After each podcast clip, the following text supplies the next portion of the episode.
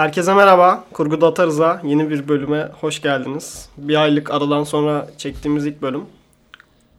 Ee, öyle. Deniz, hoş geldin. Merhaba. Valla benim için de değişik oldu. Uzun bir süreden sonra buraya geri gelmek. Öncelikle e, sesimin çirkinliğinden dolayı kusura bakmayın diyerek girmek istiyorum. Arada öksürük sesleri de karışırsa bu ön alımı gerçekleştirelim. E, benim genel programla ilgili eklemek istediğim birkaç e, şey var yeni eklememiz. E, bu spoiler konusu birkaç kişiden uyarı geldi. Bunlara biraz daha dikkat etmemiz gerekiyor. E, bize farkında olmadan anlık heyecanla bazen de pek de umursamadan e, bu spoiler işine girişmiştik. E, spoiler verme fazla spoiler verme işine girişmiştik. Bunlara daha çok dikkat edeceğimizi ve e, spoiler gelmeden önce uyarıları vereceğimizi söyleyerek lafı sana bırakayım. Nasıldı Mete, bu bir ay? Mete hoş geldin sen de. Sana daha bir... Ben Seni hep unutuyoruz ilk başta. vermedim. Bana bakıyorsun öyle özür dilerim. Ben ne diyeceğimi bilmiyorum. İki ay sonra bu adamlarla yine aynı odanın içinde podcast'imize başlayacağız. Şu bir ayımızı bir konuşalım istiyorsan. Kimden başlayalım? Önce bir... Sen bir at bir ayını. Nasıl geçti bu bir ay? Ben bir ay film izledim, oyun oynadım, hiçbir şey yapmadım. Rezil, rezil bir hayat. Evet. Senin nasıl geçti? Final, sınav.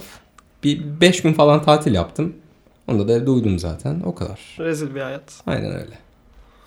Ben bir... e, ben yine şeydeyim ya. Buhranlardayım. İyi, güzel. O Pa- da iyi. Paris. Düşük başladık. Millet burada sıkılıp kapatacak zaten. Biraz hadi tempo. Tamam. Paris İstanbul hattında bir takım gerilimler yaşıyorum. Ee, buradan da Sude'ye de selam yollayayım. Macron ayağını denk alsın. Ma- Macron ayağına denk alsın. Buradan bildireyim 20'sinde Paris'teyim. Yakın temaslarda bulunacağım kendisiyle. Güzel.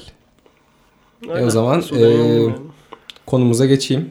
Ben bugün e, thriller konuşacağız. En sevdiğimiz thriller filmlerini. Thriller açıkçası benim sinemada en sevdiğim tür. E, bunun en en önemli alt türü de e, psikolojik gerilim olarak adlandırılan e, özellikle Alfred Hitchcock'un e, taşıyıcılığını yaptığı ve simge isimlerinden biri olduğu tür. Fakat ben e, listeme çok fazla psikolojik gerilim türü almadım. Psikolojik gerilim türünde olan film almadım. Çünkü belki buna ayrı bir bölüm ayırırız diye. Bunun hakkında konuşacak çok fazla şey var. Bunu en başta söyleyerek başlayayım. E, thriller deyince tabii ki içinde belli bir gizem, gerilim, belli aksiyonlar, e, psikolojik gerilim demin de söylediğim gibi bunları barındıran bir tür deyip kendi 5 numarama geçiyorum. Benim 5 numaramda Robert Altman'ın e, The Long Goodbye filmi var. Öncelikle Robert Altman demin de bahsettiğim gibi Hitchcock sayesinde sinemaya giren biri. Hitchcock e, Robert Altman'ın galiba birkaç kısa filmini görüyor ve onun e, Alfred Hitchcock Presence'daki bir bölümünü çekmesi için onu yönetmenlik kariyerine başlatıyor. Buradan da zaten Robert Altman'ın bir 10 e, 1970'lerde çektiği 11 yaklaşık 11 filmi galiba. Yani umarım doğru hatırlıyorumdur. Öyle bir seride yani çok yüksek bir çok yüksek periyotta filmler çekiyor. E, bu The Long Goodbye da onlardan biri. Ya benim e, The Long Goodbye'da ilgili en sevdiğim şey o Elliot Gould'un oynadığı karakterin e, Robert Altman'ın elindeki o yönetmenliğin e, yapılabileceği en yüksek seviyede ve yansıtabileceği en özgün şekildeki karakterin e, mizansenler içindeki varoluşu. Yani bir kibriti yakarken bile bunu anlayabilirim. Mesela duvara rastgele sürterek o kibriti yaktırmasından veya bir e, sorgulama sahnesinde tamamen hiçbir şekilde kamerayı içeri sokmadan bize bunu dışarıdan karakterin her zamanki duygu mimiklerini hissettirerek yansıtabilmesinde görebiliyoruz bunu. E, biraz uzun konuştum. Nefesim kesildi. Lafı ulaşa Ee, bırakıyorum. Altman'ın bu konuşmayı hak eden birisi. Ben bu filmi izlemedim ama izlediğim diğer filmleri üzerinden kendisinin yönetmenlik deneyimleri üzerine şeyi söyleyebilirim. Ee, yani psikolojik gerilimi bu kadar efektif kullanan bir yönetmen daha hatırlamıyorum ben sanırım. Yani izlediğim tüm filmlerinde gerim gerim geriyor seni ve konu klişe olsa bile ki bazı filmlerinde konular klişe önemli olan üslup olduğunu tekrar hatırlatıyor. O yüzden e, sinema tarihinde thriller ve psikolojik gerilim özelinde e, özel önemli bir yer kapladığını düşünüyorum. Benim bir de eklemek istediğim şu var. Ee, Ben açıkçası Thriller'ın bir yönetmenin becerisini göstermesi için en uygun alan olduğunu düşünüyorum. Çünkü e, mizansen kurarak daha az diyalogla e, karakterlerin duygularını ve düşüncelerini ve olaya anlatmak açısından çok uygun hikayeleri var thrillerların. Ve e, yaratılan duygular da sinema için yapılması belki de en rahat ve en sık gördüğümüz şeyler. Zaten senin de listende benim de listemde gördüğümüz üzere e, konuştuğumuz filmlerin yönetmenleri genelde hani usta olarak adlandırılabilecek yönetmenler e, deyip senin 5 numarana geçelim. Ee, benim 5 numaramda Heat var. Yani Başka bir ustanın. Michael Mann'in e, Heat de ya hem yönetmenlik açısından usta bir film hem oyuncular açısından usta film. Hani Al Pacino ve De Niro'nun bulunduğu iki kutuplu bir film izliyoruz ve ikisi de gerçekten neden usta olduklarına olduklarını bu filmde kanıtlıyor. Sen Al Pacino'cu musundur, De Niro'cu musundur? Denirocuyum ben ya. Ben Sen... Al Pacino'cuyum. Hadi ya iyi oldu. Ben biraz e, oyunculuk eğitimine daha önem verdiğim için hani Al Pacino'nun o eğitimi çok net bir şekilde yansıttığını bili- e, görüyorum ve De Niro o kadar şey gelmiyor bana. Neyse.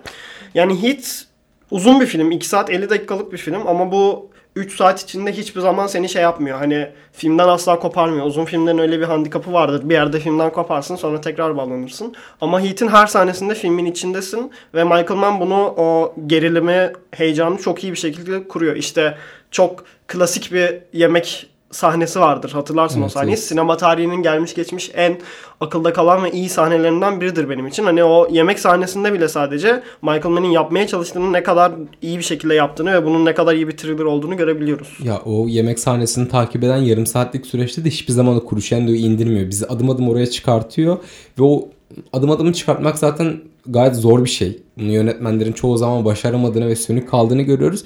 Michael Mann bu çıkarttığı seviyeyi o kadar uzun süre koruyor ki film boyunca. O e, spoiler vermeden söyleyelim. O sondaki havalimanı sahnesinde de dahi oraya kadar hiçbir zaman tansiyonumuzun azaldığını falan görmüyoruz. Başladığı e, şeyde bitiriyor filmi. Frekansta bitiriyor. O Evet. çok önemli. Ben 4 numarana geçelim. benim dört numaramda daha önce de burada e, ufak ufak bahsettiğimiz Zodiac var. Fincher'ın ustalık eseri olarak Gene bir nitelendiğim. usta. Ee, yani Zodiac konu özeliyle özellikle çok iyi bir film. Hani Fincher bir filme aktarmak için seçilebilecek e, en iyi konulardan birini seçiyor. Hal, geçen çözüldü gerçi Zodiac'ın kim olduğu ama o filmde de hani onu arayış serüveninin mesela Zodiac'ı hiçbir zaman göstermemesi. Hani onu mizansende şey olarak gösterebilirdi. Kim olduğunu bir şekilde gösterebilirdi ama gerçek hayattaki gizem unsurunu filmde de o şekilde göstermesi ve filme dair kattığı tüm gerilim unsurları apayrı bir şey yere sokuyor filme. O hikayeyi çözmekten ziyade bizi o hikayenin etrafında dolaştırıp gerebileceği en yüksek seviyede germeye çalışması gerçekten senin de demin bahsettiğin gibi Fincher'ın o muazzamlığını, o min- minimalist e, becerisini bize burada gösteriyor. Ya zaten karak şeyi filmi Jake Gyllenhaal'ın karakteri üzerinden yaşıyorsun. Hani o kodu çözmeyi, bir şeyleri çözmek istiyorsun sen de ve kendine göre bir şeyler çözmeye başlıyorsun ama film sana hiçbirini vermiyor gerçek hayatta olduğu gibi. Sonunda yine elinde kocaman bir sıfırla kalmış oluyorsun ve filmin sonunda hissettiğin tek şey e, az önce izlediğin şeyin üstünde bıraktığı gerginlik oluyor. O açıdan bayağı e, inanılmaz başarılı bir film ki Fincher'da yani zaten. Ya ben burada ikinci defa bahsedeceğim bunu o e, evin merdiven altında depoya indikleri sahnesi zaten hiç aklımdan çıkmıyor hala. Sen Zodiac deyince direkt aklıma o geldi. Deyip kendi dört numarama geçeyim. E, belki de sinema tarihinin en usta yönetmeni yani bin, bininci defa usta kelimesini kullanarak Stanley Kubrick'in Eyes Wide Shut filmini ben buraya aldım. E, Eyes Wide Shut'ta belki Zodiac'taki muazzamlığın bir tık daha üstünü yaparak Stanley Kubrick'in tamamen e, İngiltere'de kurduğu New York'un gerçekten o prodüksiyon olarak kuruyor İngiltere'de birebir sokakları. E, o New York'un Uçmaktan korktuğu için New York'ta çekemiyordu değil mi? evet evet ve yaşından ötürü Tabii sonra filmden yayınlanmadan 3 ay sonra etti. Illuminati öldürüyor zaten. e, dönemin belki de en flash çiftini oynatıp e, Tom Cruise ve Nicole Kidman yani bu iki iki süperstarı Tom Cruise'un da bu rolü taşıyabilmesi bana her zaman çok şey gelmiştir. ben açıkçası Tom Cruise'un bayağı iyi bir oyuncu olduğunu Ben düşünüyorum. hiç düşünmüyorum ya. Sadece oradan oraya atlayabildiği için ve dublör kullanmadığı için sinema sektöründe olduğunu düşünüyorum. Bir de yakış- yakışıklılığından ötürü Ya. ama bu apayrı bir konu. Ben aynı sene içinde çektiği hem Magnolia'nın hem de Eyes Wide Shut'ın yani yani iyi oyuncu, büyük oyuncu diye adlandırdığımız hiç, çoğu oyuncunun kariyerinde öyle iki film olduğunu düşünmüyorum. Ya Magnolia'da da inanılmaz. Biraz şey gibi diyebiliriz buna. Adam Sandler efekt diyebiliriz. Hani o da böyle kötü filmler çekip 10 yılda bir iyi bir Ya, film çeker ya. ben Tom şey- Cruise'un Bak ben Mission Impossible'ları da seviyorum. Ben açıkçası Minority Report'taki Tom Cruise'u da bayağı beğeniyorum. Millennium'dan sonra çektiği iyi film yok bence. Buluruz. Bir daha biraz düşünsek buluruz. Abim, abim çekiyor ya. Biz Tom Cruise fan club olarak takılacağım burada. Ee, ya film hakkında bahsetmek gerekirse Tom Cruise'un oynadığı doktor karakterinin e, hayatındaki rutinden sıkılıp daha doğrusu eşinden bile sıkılıp bazen Nicole Kidman gibi güzel bir kadından bile sıkılıp e, kendi o rutinden çıkarmak isterken biraz belaya bulaşması, suça batması ve örgütün içine e, girmesiyle birlikte başına gelenleri anlatıyor gibisinden bir TRT cümlesi kurdum Ayaz başlatışın ama TRT2 tanıtım şeyi. Evet, sinopsisi. Şu an şunu da fark ettim. Herhangi bir Stanley Kubrick filmini e, olay olarak anlatmak ona büyük bir ihanet etmek anlamına geliyor benim için. O yüzden bu filmi sadece tadın. Yani Ya. eğer izlemediyseniz de Peki o zaman sana bir trivia soru sorarak gireyim. Ee, eve girerkenki şifreyi hatırlıyor musun? Hayır. Sen hatırlıyor musun Mete? Unuttum ben de. Fidelio'ydu değil mi sanırım? Yanlış Evet, hatırlamıyorsam. Neydi? Fidelio. Evet doğru. Ben biraz konuşayım Eyes Wide Shut üzerine. Konuş konuş benden al bu lafı ya. Kubrick Ee, konuşamadım. Kubrick benim sinemayı sevmemi sağlayan yönetmen. Ben yani Ya onun çoğumuzun yani, Yani. mükemmelliği Kubrick'te gördük. hani böyle sinemayla biraz olsun ilgilenmeye başlamış birisinin ilk önüne çıkan yönetmen Kubrick'tir ve şey çok e, yaygındır hani ben bu odadaki 3 kişinin de bunu yaptığını düşünüyorum. Böyle bir hafta boyunca sadece Kubrick izlersin filmleri bitene kadar hani sinemanın ilk başından. Ya Kubrick'in kariyerinin kariyer için bence en uygun kapanış bu film ya. Hani çok büyük prodüksiyonlu ve mükemmel e, anlatıya sahip bir film. Zaten Napolyon'u çekmeye çalışıyordu. Napolyon'u çekemeyince oradaki tüm parayı buraya aktardı. E, kendi etrafında efsaneler döndüren bir film. Hani o da Kubrick'in kariyerine uyuyor. Ne bileyim işte yok Illuminati Kubrick'i bundan sonra öldürüyor falan filan. O, o kısmı da küçükken beni büyülüyordu hani mistik kısmı. 12 yaşındaki salak ulaş bunlara inanıyordu çünkü. Ee, dediğin gibi inanılmaz yine kült etrafında gelişen ve aslında Amerika'daki kült, Amerika'da kültlerin ne kadar gizli olduğunu ve ne kadar belirgin e, şeylere sahip olduğunu, etkilere sahip olduğunu da bir nevi e, bize veren bir film. Hani Illuminati'den bahsetmiyorum, genel kültlerden bahsediyorum. Tom Cruise iyi oynuyor dediğim gibi şaşırtıcı. Ama e, benim bu filmle ilgili en sevdiğim şey de şu hani dedik ya Kubrick'in kapanış filmi falan diye. Kubrick'in sinemaya kapanış cümlesi olarak verdiği tufak e, şeyiyle bitmesi benim çok hoşuma gidiyor. Yani Kubrick'in kariyerinin bu şekilde bitmesi çok uygun düşüyor onun filmografisine yani. Bu filmle ilgili tatlı bir ekleme yapayım. Ee, sanırım yaklaşık bir yıl önce e, Netflix'e gelen e, S for Stanley belgeselinde de e, Kubrick'in şoförü Kubrick'in şoförle arasındaki ilişkiyi onun şoförünün ağzından bir biyografi şeklinde görüyorduk. Bu o şoförü de e, Tom Cruise'un e, sokakta yürürken o başıboş bir şekilde uzun bir plan vardır ya caddede yürürken o e, bir e, bakkal tarzı bir yerden bir gazete alır. Oradaki bakkalcıyı oynatıyor hani ona bir jest yapmak için. İnanılmaz bir info geldi. Aynen buradan çok Biraz- derin bir info verdim İki buraya. dakika bir şey yapmam lazım, sindirmem lazım bu Ya, infoyu. O sahnenin devamında gerçekten o neon, neon ışıklarla birlikte Tom Cruise'un o kendi kaybolmuşluğu içinde birden e, bir seksistisine rastlayıp gidişi baya muazzamdır deyip Valla konuşamadık Kubrick ya biraz. Bana öyle geldi de. Ya bizim haddimize değil. Doğru dedin. Güzel konuştuk. böyle Kubrick dediğimiz zaten konuşulmaz yaşanır. yani Altında ağır taşlar kalırız. altında kalırız. Kaldık da böyle bir ön alım yaş- yapalım. Ee, Hemen ben de bir trivia atayım o kadar atmışken. Tabii. Ee, Tom Cruise Magnolia'da oynarken e, Paul Thomas Anderson da Ice White Shot setine gidiyor ve Kubrick'le konuşuyor. Bunu da anlatıyordu bir röportajında. Öyle bir iki ilginç bir şey de var. Bir buluşması. 5 dakika bir ara verelim ya. Ben biraz sindireyim bunları. Bu bilgiyi sindirmek uzun sürecek. Ee, geçeyim mi 3'e? Sen mi geçeceksin? Bir bilgi daha var ama burada konuşamayız. Lütfen söyle. Olmadı keseriz. Olmadı keseceğiz tamam. Yani Nicole Kidman'ın sevişmesi hakkında bir konuşma da dönüyordu. Tom Cruise izlemiş mi ya da ayrı şeylerde Ha, evet, doğru. Öyle bir şey de var. Şey şeydi Kubrick e, Tom Cruise'un daha iyi oynaması için Nicole Kidman'ın sevişme sahnesini ona ilk başta söylemiyor. Sonra sete gelince izletiyor mu ne öyle bir şeydi. E, benim 3 numaramda Nolan'ın biraz daha ilk dönem filmlerinden Insomnia var. E, bir İskandinav filminin yeni Evet. çevrimi. Onu izlemediğim için bunu aldım. E, öyle bir adamım. Bu filmi ben inanılmaz şey geliyor şimdi. Alegori geliyor. Hazır mısın? Hadi bakalım. Bulgur pilavına benzetiyorum biraz. Can yayınlarından çıkan kitap mı? Evet. Şimdi bulgur pilavının şöyle bir özelliği vardır. Ya çok sıcak olur bu ya çok soğuk olur. Asla ılık bir tonda yiyemezsin bunu. Insomnia'yı da biraz böyle nitelendiriyorum ben. Seven çok seviyor. Hani e, o aksiyon onu tamamen alıyor. Sevmeyen de hiç sevmiyor ve iki saat boyunca tamam e falan oluyor hani. Ben Nolan'ı pek sevmediğim için bu yorumları da gördüğüm için hiç izlemeye yeltenmemiştim. O yüzden lafı sana bırakıyorum burada. Yani Al Pacino oyuncu ya. Gerçekten. Al Pacino olmasa bu film çok vasat bir film. Başta onu Genel söyleyerek olarak başlamam gerekiyor. Al Pacino'nun filmlerinin %80 için bunu söyleyebiliriz. Evet yani filmi tamamen baştan itibaren alıyor taşıyor ve bu filmi ben ben Nolan sevmiyorum. Ve bu filmi şu yüzden seviyorum.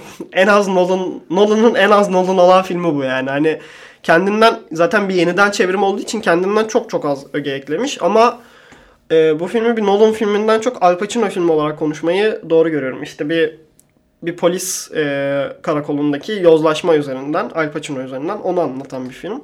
Klasik Amerikan thriller filmi aslında. Nolan e, İskandinav versiyonundaki o tör şeyleri, e, kültürel farklılıkları güzel bir şekilde törpülemiş ve Amerikan kültürüne uydurmuş. Dediğim gibi seven çok seviyor, sevmeyen hiç sevmiyor. Ben biraz daha seven kısımdayım deyip sana bırakayım. Buna şey ekleyebilirim. Ee, Nolan'ın burada sen demiştin ya en az Nolan, Nolan filmi diye. Aslında biz bir Nolan filmini o hikayedeki karmaşıklık ve yaptığı trik şeylerle görüyoruz. Çünkü e, Nolan sete girmeden önce filmlerinin çekin, çekilişini bir Fincher kadar veya bir Denis o kadar hani milimetrik planlayıp giren bir yönetmen değil. Direkt girip sette karar verdiğini bayağı herkes söylüyor. Inception'da da o kurduğu bir e, yuvarlak şeklinde bir düzenek vardı ya hani dönüyorlardı yer çekimi kalkıp Bu- falan. Animeden aldıkları sahne Evet miydi? evet yani onu Paprika. tamamen tamamen sete girip hani bu şekilde çekelim deyip hani kamerayı belli yerlere koyup kafasına göre anında öyle karar veren bir stili varmış. Belki de bu yüzden hani Nolan'ın stilini biçimde daha az gördüğümüzü söyleyebiliriz deyip benim 3 numarama geçelim ekleyecek bir şeyiniz yoksa. Bir şey de ekleyeceğim hemen. Ben de sen eklemeden e, biz İskandinav thriller almadık sanırım buraya ya. Aslında alsak güzel olurmuş. Ben Benim hiç aklıma gelmedi. Full İngilizce aldım. Niye bilmiyorum. Ben de öyle oldu. Benimki de öyle oldu. Biraz- Son filmim vardı. Yani birkaç şey atabiliriz. Yani Costa Gavra, Melville vesaire Evet, atılabilir. evet Melville kesinlikle Melville atabilirdik. Ee, özellikle Le Samurai'yi burada da gösterdik. Gerçi o thriller olarak çok sayılmaz Ben ama. Army of Shadows'u daha çok beğeniyorum ama Bob Le Flambeur var. Ya, Flambeur var. O da Le bayağı iyi. Rouge direkt. Hı, evet. Deyince. Frankofon okulda okuyoruz ama yine de Anglo-Sakson deneyimlere tabiiz. Şey diyeceğim ya Insomnia ile alakalı. Hani Nolan yine burada trik kullanıyor. Şu an filmi çok uzun süre önce izledim hatırlamıyorum ama yine bir twist var filmde. Bir de şey diyeceğim. Al Pacino Abi bir insan bu kadar mı iyi oynar şeyi ya? Yorgun insan rolünü yani. Ciddi olarak Al Pacino'yu izlerken şey oluyorsun hani filmde. Ben, ben bir uyuyayım bu filmi öyle izleyeyim oluyorsun yani. Adam yoruyor seni hani. Yorgunluğunu sana aktararak yoruyor seni.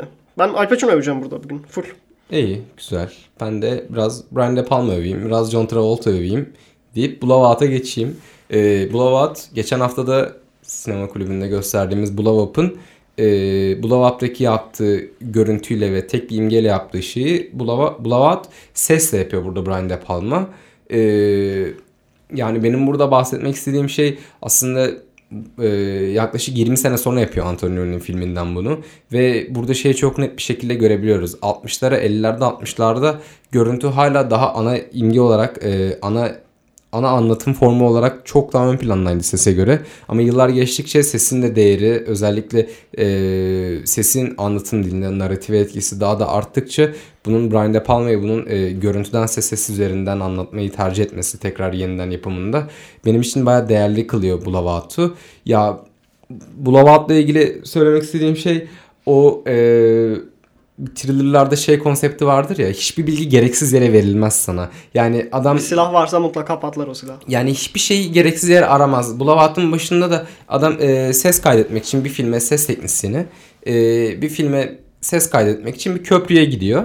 Bu köprüde ses kaydederken e, bir araba kazası oluyor. Aslında bu araba kazasının hani bir sabotaj mı yoksa gerçekten kaza mı olduğunu keşfetmeye çalışması üzerinden gerçekleşiyor. O sesi geri alıp dinleyerek. Bu araba kazasından kurtardığı Allen'ın oynadığı karakteri onunla birlikte e, bundan kaçışını falan gösteriyor. E, Bu yaptığı özellikle bir çığlığı araması, o filmdeki bu korku filmi için e, aradığı çığlığı bulması veya işte adamın Hitchcock'un da şeyde e, Rear Window'da gösterdiği gibi karakterleri kendi meslekleriyle ilgili bir sorun çözümünü kullanması.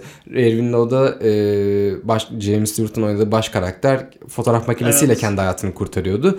Burada da e, John Travolta'nın oynadığı karakter Nancy Allen'ın oynadığı karakteri kurtarmak için ve onunla irtibata geçmek için kadının üstüne e, bir telsiz takıyor. Telsiz mikrofon takıyor. Onun üzerine iletişime geçmeye çalışıyorlar. Bu e, o demin de bahsettiğim gibi yani o her infoyu, her karakterle ilgili bilgi hiçbir zaman boşa kullanmayıp tamamen onu bir kompakt paket halinde bize tek tek öğünlük yemek gibi önümüze koyuyor Brian De Palma. Ee, bununla ilgili eklemek istediğim bir- birkaç şey var mı deyip ben de birkaç şey ekleyeyim. Sana niye böyle şey yaptıysam. Brian De Palma bu thriller türünde bayağı güzel örnekler de verdi. Bunu psikolojik gerilim örneği olarak Dress ile verebilirim ben. Ee, bir de filmlerin ismini unuttum tabii ki. Hemen bakıyorum. Profesyonel bir insan değilsin ya. Yapacak bir şey yok. Ya tabii ki Scarface'i verebiliriz ama ben Scarface'le hani o kadar da aram yok. Ee, burada son olarak bahsetmek istediğim filmde e, Body Double. O gayet iyi Kaliteli filmdir. filmdir. Deyip lafı Ulaş'ın 3 numarasını bıraktım, bırakacağım dedim ama senin, senin 3 60 numaranı konuştuk. O zaman benim 2 numarama geçelim mi? 2 numaramda biraz e, ikimizin daha doğrusu üçümüzün de sen de seviyorsundur umarım. Kaşeyi konuşacağız. Ben izlemedim. Aa, Dön. Sırtımız dönelim Mete'ye. Hemen döndük. Sen bildiğim kadarıyla Ulaş bayağı seviyor Kaşeyi. ben Haneke'nin e, hastasıyım. Kaşe'nin de özel olarak hastasıyım. Benim- Anlat bakalım. Yani Leatherbox, Leatherbox nickname'imden de nickname'imden de gördüğünüz üzere Haneke yaveri. Mete Kaan Özlek beni ifşalayana kadar, halka yayana kadar. Bu arada program dinamiklerimizi unutmuşuz. Metekan Özlü'nün Instagram adresi Metekan OZ'de. Kendisi tekrar siyah beyaz fotoğrafları çekmeye, yayınlamaya başladı. Ee, öneririz. Ee, ben Kaşe'den bahsedeyim. Ya Kaşe'nin bence bir hayli enteresan bir konusu var. Bir hayli enteresan konusu ne? Haneke'nin yani e, belki de kendi yönetmenlik tarzının biraz daha dışına çıkan ama gene belli ögeleri gördüğümüz e, birçok şey de içeriyor.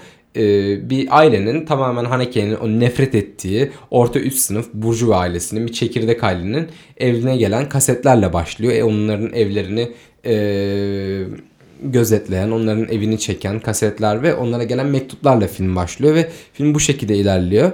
Ya ben burada direkt e, biraz spoiler olacak. Direkt kaşı hemen de spoilerlı konuşalım. Yani evet. Sana birkaç şey soracağım çünkü. E, bu gönderilen kasetlerin ben McGuffin olduğunu düşünüyorum. Tamamen hikayeyi akıtmak için ve Haneke'nin o aşağı, arka, arka planda işlediği o Cezayir Savaşı'nı, ırkçılığı ve orta üst sınıf ailenin kendi başına bir şey gelince bundan ne kadar e, hemen başkasını suçlayacak şekilde yayılmasını, e, başkalarını suçlamasını, evine gidip da, evi, evine dahi gidip insanları tehdit etmesini gösteriyor. E, ben sırf bu yüzden bize hiçbir zaman aslında kaseti gönderenin kim olduğunu Haneke göstermiyor veya söylemiyor ama ben sırf bu yüzden e, aslında o kasetleri Haneke'nin gönderdiğini düşünüyorum. Çünkü e, Haneke'nin gerçekten kendi kendi kendisinin gönderdiğini düşünüyorum. O Funny Games'de nasıl karakterin kameraya dönüp e, direkt Haneke'nin birebir bir şekilde filme müdahale edip geri alması gibi.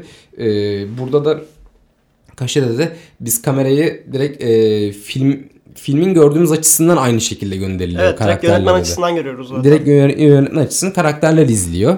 Onu orada görüyoruz. Ben de sırf bu yüzden aslında hani olayları tetiklemek için ve işin içine biraz da absürtlük kaç- katmak için Haneke'nin kendisinin gönderdiğini düşünüyorum. Ee, filmdeki diğer bahsetmek istediğim şey ise e, Haneke'nin bize aslında olayları olaylardan kamerayı sabit bir şekilde uzakta tutup ama bir o kadar da bizi yakından hiçbir şekilde hareket etmeden bizi donup kalmış bir şekilde yerimizde çivilemiş bir şekilde oturtarak bizi göstermesi benim aklımda kalıyor. O köy sahnesinde hatırlar mısın? Kamerayı e, ahır tarzı bir yere koyup Evet. çocuğun eve işte sahiplenip geri beklenmesi. Yok yok. E, Kaşe'de mi? Kaşe'de de. Hani flashback yapıyormuş gibi. Hı, evet evet tamam. İşte şimdi tamam. Orada bizi yani çiviliyordu gerçekten. Deyip lafı sana bırakayım. Sen kimin gönderdiğini düşünüyorsun kasetleri sinden gibisinden. Aslında bu konuda aynı fikirdeyiz. Ben şu şekilde anlatayım kendimi. Haneke e, filmindeki karakterleri rahat ettirmeyen bir yönetmen. Yani karakterlerle oynayan onların Bizi de rahat ettirmiyor. Evet biz zaten rahat ettirmiyor da onun gerginlikleri üzerinden e, onlarla böyle kedi fare gibi oynayan bir yönetmen. Bunu Funny Games'te de görüyoruz. Hani olaylar hiçbir şekilde istendiği gibi gitmiyor. Hatta Haneke'nin az önce thrillerların ana ögesi olarak bahsettiğimiz şeyi vardır. Bir yerde bir şey varsa o kesin kullanılır. Funny Games'te bunu yıkıyor mesela. Şeye bıçak koyduğunu çok net görüyoruz e, o gemiye. Ama giderken o bıçağı bir şekilde bulup atıyor veya ne bileyim e, sonunda istenen son olarak kadın adamlardan birini öldürüyor ama geri alınıyor falan. Haneke bu şekilde kırıyor zaten Yani filmi. bölgeleri aslında Tarkovski'de de görüyoruz yani. Evet. Mirror'da bir silah bizim gözümüze sokarak Cheo gibi gösteriyor ama hiçbir zaman patlatmıyor. Haneke de bunu yer Ama yer kullanıyor Haneke bunu çok daha girici bir yöntemle Evet. yapıyor ki filmlerin konusu olduğu için. Kaseti gösteren, gönderen konusunda katılıyorum sana. Haneke biraz kaseti böyle dediğin gibi filmi devam ettirmek için kullanıyor. Asıl onun anlatmaya çalıştığı mevzu tabii ki kaset üzerinden orta üst sınıf ailenin e, rahatlıklarını yıkmak, hani yaşam dengelerini bozmak. Ama onun dışında arka planı e, öndeki hikayeden çok çok çok daha güçlü bir film ve kaset biraz bunun devam etmesinde şey olarak kullanılıyor. Tetikleyici öge. Evet. Kasetleri kesinlikle Haneke gönderiyor. Onda e, hem fikrim ve bu film hani film evreni içinde kalmıyor. Bayağı dört boyutlu bir film. Hani Haneke de var filmin içinde bir karakter olarak. Evet. E, Bence her filminde Haneke yani hiçbir zaman kendini filmlerinden soyutlayıp hani biçimi çok ön plana çıkarıp izleyicilere çok büyük bir zevk vermeye çalışmıyor yani. Her zaman hani kendisinin varlığını hissettiriyor. Her daim hissettiriyor yani. En e, hani Oscar'da dahi sevilen Amur filminde bile Haneke'nin varlığını her zaman hissedebiliyoruz Ya, orada. bir de Haneke'nin kariyerinin başından beri hep şey görüyoruz. Böyle sinemada genelde kötü olaylar en azından ilk dönem sinema için diyorum. Daha böyle alt sınıf kişilerin başına gelir. E, veya ne bileyim Çocuklar mesela çok kullanılmaz filmlerde şeytanlaştırma olarak. Haneke bunların hepsini yakıyor. Orta üst sınıfla olan aileyle, orta üst sınıf aileyle Açtığı olan savaşı zaten her, her daim Evet. devam ettiriyor yani. 10 filminde O de- savaş zaten şeyde başlıyor. Seventh Continent'ta Evet. başlayıp e, Amur'da biten bir savaş. Hani yeni film çekerse yine onun, onunla alakalı End'de eminim. daha doğrusu. Happy End'de Evet onu o- izlemediğim için onu eklemedim direkt. Yani zaten adı üstünde yani kendi e, filmine kendi e, pardon kendi filmografisine gayet ironik bir happy end bırakıyor orada. O aileyi gerçekten paramparça ederek bitiriyor yani. Şimdi White Ribbon'da da bunu görüyoruz yani. Çocuklar hani hiçbir zaman sinemada şeytan e, olarak kullanılmamıştır. Her zaman bir masumiyet göstergesi olarak kullanılmasalar da Yani bu kadar şeytanileştirilmemiştir. yani evet. Funny Games'teki gibi. Ve Haneke bunu çok mutlu bir şekilde bozuyor hani bozuyor. Ee, kaşe üzerinde biraz konuşmak istiyorum Haneke'den ziyade. Haneke'yi çok konuştum çünkü. Yani kaşe seni ekranın başına mıh gibi oturtan ve başka bir şey yapmana izin vermeden kendini önünden akıtan bir film. Haneke'nin şey kaygısı yok. Bunu hepimiz biliyoruz. İzleyici bu filmi izlesin diye filmi daha rahatlaştırma çabası zaten hiçbir zaman olmadı. Yani öyle bir şey olsa Funny Games aslında farklı çekerdi. Amerikan versiyonu direkt birebir aynısını çekti. Ama kaşede bunu biraz daha hissediyorsun. Özellikle dediğin gibi orta üst sınıf ailenin yaşam pratiklerine çok açık bir şekilde saldırıyor ve bu saldırıyı e, filmin sonuna kadar sürdürüyor. E, böyle hiç aslında e, rutini bozuyor. Tamamen Ya onların- hayatın akışını Aynen. bozuyor. Onları bir de sergilerkenki absürtlüğü var ya işte koca bir kitaplığın önünde Evet. adam e- entelektüel sohbetler yapıyor eşiyle. Evlerine misafirler geliyor. E, gerçekten hani çok kendilerini gerçeklikten soyutlamışlar. E, adam televizyon yayıncısı, farklı bir hayatı var. Ama bunun içine birden hani gökten zembille iner gibi hani ki elini sokuyor onlara. Ki Funny Games'te de aynı. Hani Evet. çok mutlu bir aile ama bir anda bir tatil etrafında. Aa bu işte Beethoven'ın kaçıncı senfonisi diye böyle tahmin Evet. etme oyunları oynarlarken. Bayağı dalga geçiyor yani ve hoşuma gidiyor. Benim iki numaram Peeping Tom. Aslında talihsiz bir film çünkü Michael Powell'ın kariyerini bitiren bir film. Ee, o dönemde çok büyük tepki görüyor. Peeping Tom genel olarak bir voyeur anlatı. Ee, bir kameralı bir adamın kadınları öldürmesini görüyoruz. Kamer Sapık filmlerinin Kesinlikle. kurucularından. yani Psycho'yla başa baştır hani. Ee, kameranın ucunda böyle ufak bir bıçak var. Kadınları kamerayla çekmeye başlıyor. Daha sonra o, o sahneler çok rahatsız edicidir. Çünkü direkt kameradan görürsün. Kamera böyle sallana sallana kadına Enes'in yaklaşır. filmle ilgili konuşacağı birçok şey. Eminim yani. Enes bayılır bu filme. Ee, kamera sallana sallana kadınlara yaklaşır. Ee, kadınların sürekli kadınlar diyorum çünkü sadece kadınları öldürüyor. Kadınların Klasik, yani hatırladığım kadarıyla öyle yanlış hatırlıyorsam da buradan bir özür dileyeyim.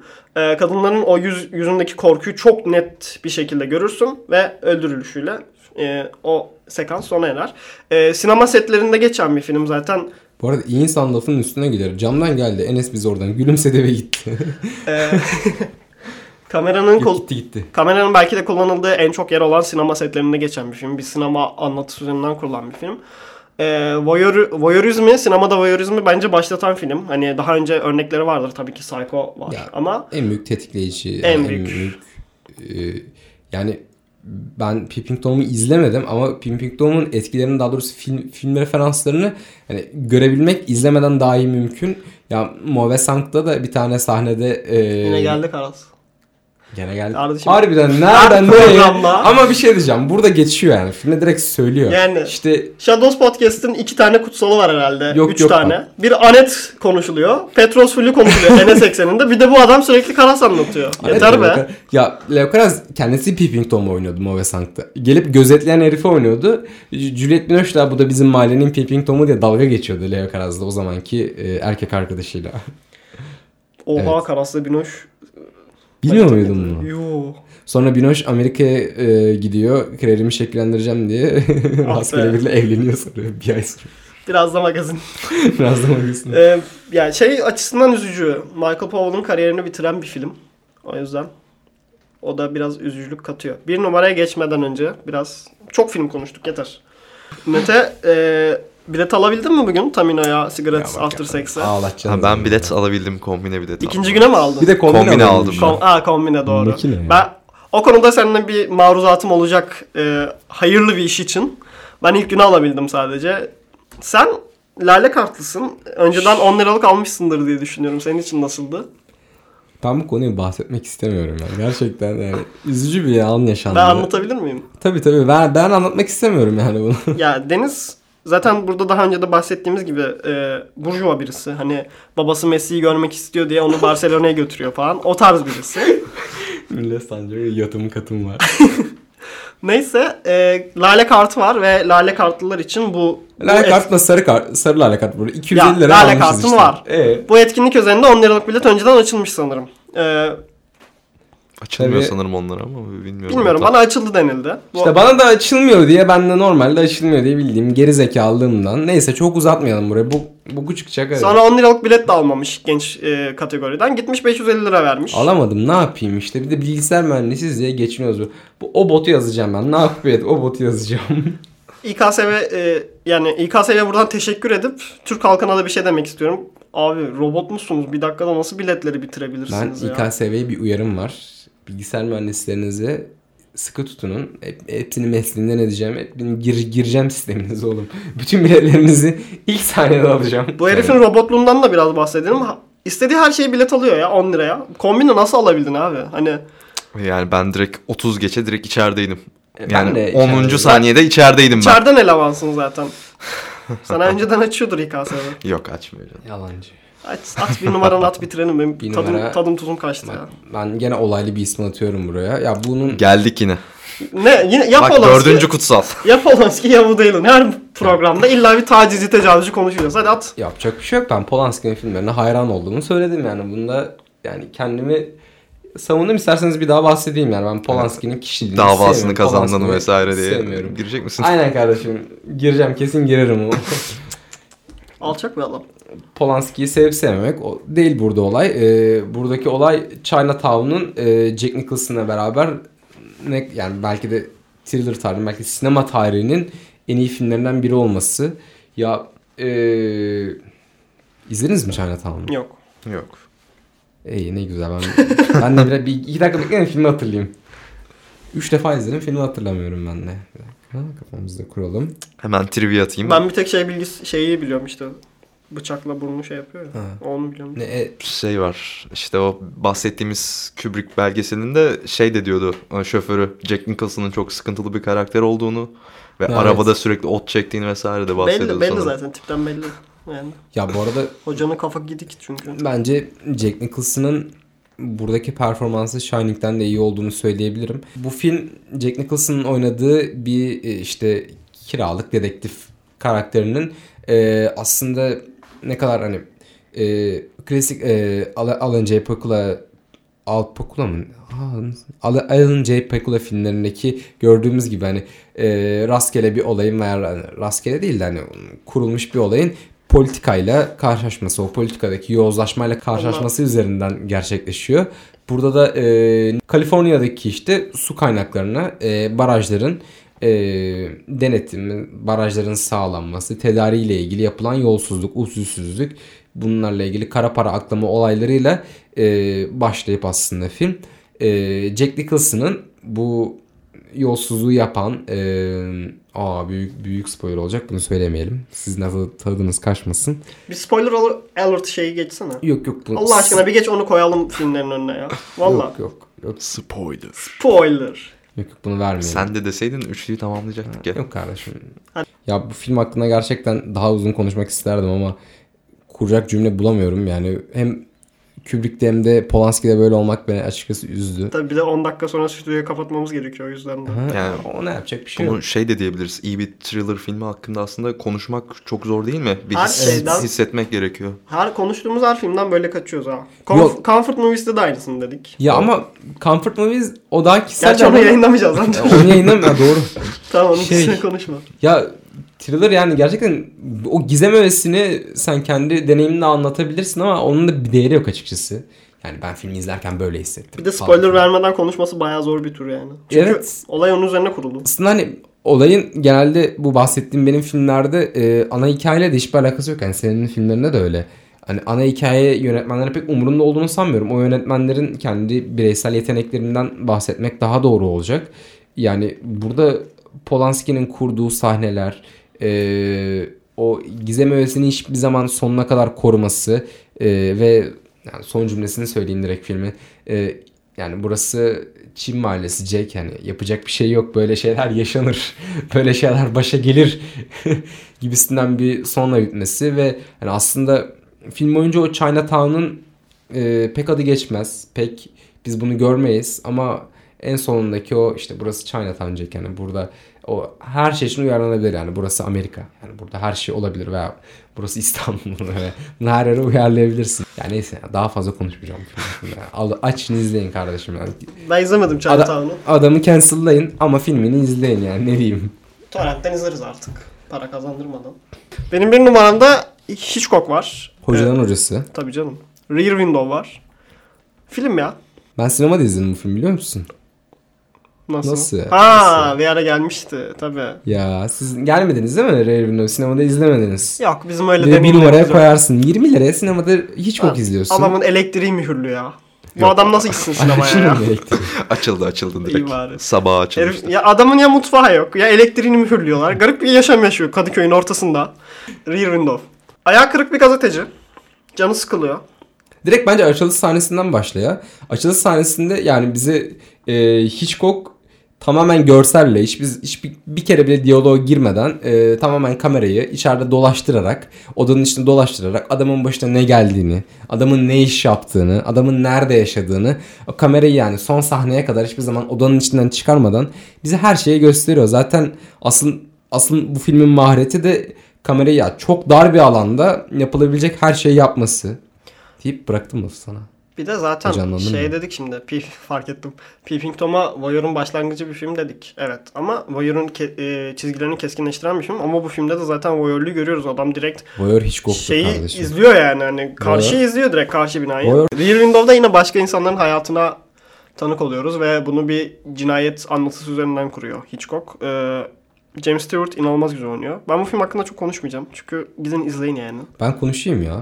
Ben sen ben bitireyim sen konuş sonra. Tamam.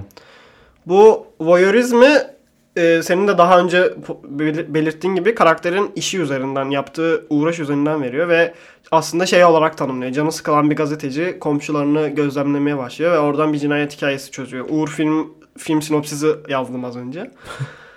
Grace Kelly mükemmel oynuyor. Ee, James Stewart zaten mükemmel oynuyor. Film üzerine ekstra benim ekleyecek bir şeyim yok çünkü anlatacak bir şey bulamıyorum. Filmi izleyin diyorum sadece. Deyip sana bırakıyorum lafı. Ya e, Rear Window'un belki Psycho'dan da çok Hitchcock'un e, sinemaya ve diğer yönetmenlere etkisi açısından değerlendirebiliriz. Bu e, François Truffaut'un da e, Hitchcock'la yaptığı söyleşide kendisi de bahsediyor. Yani her filmi teker teker konuşurken Rear Window'un e, Notorious'la beraber Hitchcock'un en sevdiği filmi olduğunu söylüyor. Ve onun e, Rear Window'daki yönetmenliği her şeyi bile bir kurgulayışı. Mesela filme başlarken o piyanist bir şeylerle uğraşır, bir şeyler yapmaya çalışır. Film ilerledikçe o şarkıyı daha e, tamamlar, biter. Veya Tek işte tek aslında böyle hücre hücre herkesin evet. hayatından bir kesit sunuyor. o e, karşıdaki dansçı kızın işte evine gelen erkeklerle yüz vermemesi, sürekli birilerinin gelip gitmesi ama en sonunda onun da hikayesini bitirir. Askere gitmiştir aslında işte sevgilisi. Veya yan daireye taşınan yeni evli çiftin e, sürekli sevişmesi ve bunun James Stewart'ta yarattığı etkili etkilenme. İşte Aynı etkiyi yaşar mısın sen de? Hı, ben insanları gözetlemem. Güzel kaçtık buradan. ya e, demin de bahsettiğim gibi karakterlerin Hitchcock her zaman e, karakterlerin kendi mesleğiyle veya kendi m, kişilikleriyle bir olayı sonuçlandırmasına, belli şeyler üretmesine çok değer veriyor. Burada da işte bir fotoğrafçının kendini fotoğrafçılık sayesinde kurtarmasını görüyoruz. E, bunun da yani diğer birçok yönetmene etkisi var ve hani tek mekan filmlerinin belki de şaikası. Hani bir kameranın e, Rob'la birlikte. Evet. Ya Rob ben o kadar beğenmesem de kameranın nasıl klo- klostrofobi yaratmadan, e, seyirciyi sıkmadan e, daha dinamik bir şekilde kullanılabileceğinin en iyi örneği belki de. Bir de bu filmi thrillerlar arasında ayrı bir yere koyan da şey var hani thrillerlar genelde uçmalı kaçmalı filmlerdir. Böyle baş karakter genelde bir gizemin peşinde koşar ve hani onu farklı yerlerde görürüz. Burada sadece oturarak bir gizemi çözmeye çalışan bir karakteri görüyoruz ve o da ekstra bir şey yaratıyor hani çünkü sen de seyirci olarak e, James Stewart'ın yaptığından fazla bir şey yapamıyorsun. Hani sen de sadece gözlemleyebiliyorsun. E, o baş karakterin bir şey yapamamasını sende yarattığı gerginliği de Hitchcock iyi bir şekilde veriyor. deyip bitirelim. Ee, Şarkı atacağım. Yok şarkı atmadan ziyade şarkı atmadan önce soru görüş ve önerileriniz için ben e, Mete Kaan Özede'ye Yok. Instagram'dan yazabilirsiniz. yani benim Twitter adresimi koyalım isterseniz oradan birkaç kişiyle konuşmuştum ben. Aa evet.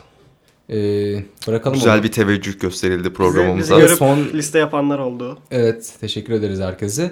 Son bölümde güzel dinlendi. Teşekkürler hepinize. Ya Shadows'u deyip- sırtımızda taşımaktan belimiz ağrıdı diyebilir miyiz? Benim iki tane programım var. Ben bunu ben cümleyi kuramam. Benim de yakında programım başlayacak. Umarım Enes kontratımı iptal etmez. Buraya kadar dinlediyseniz Ee, teşekkürler. evet. Ya bu gece gel ya da bu gece gel. Ya bu gece gel ya da gelir ecel diyerek bitirmek istiyorum. Ben hiçbir şey demeyeceğim. Hoşçakalın.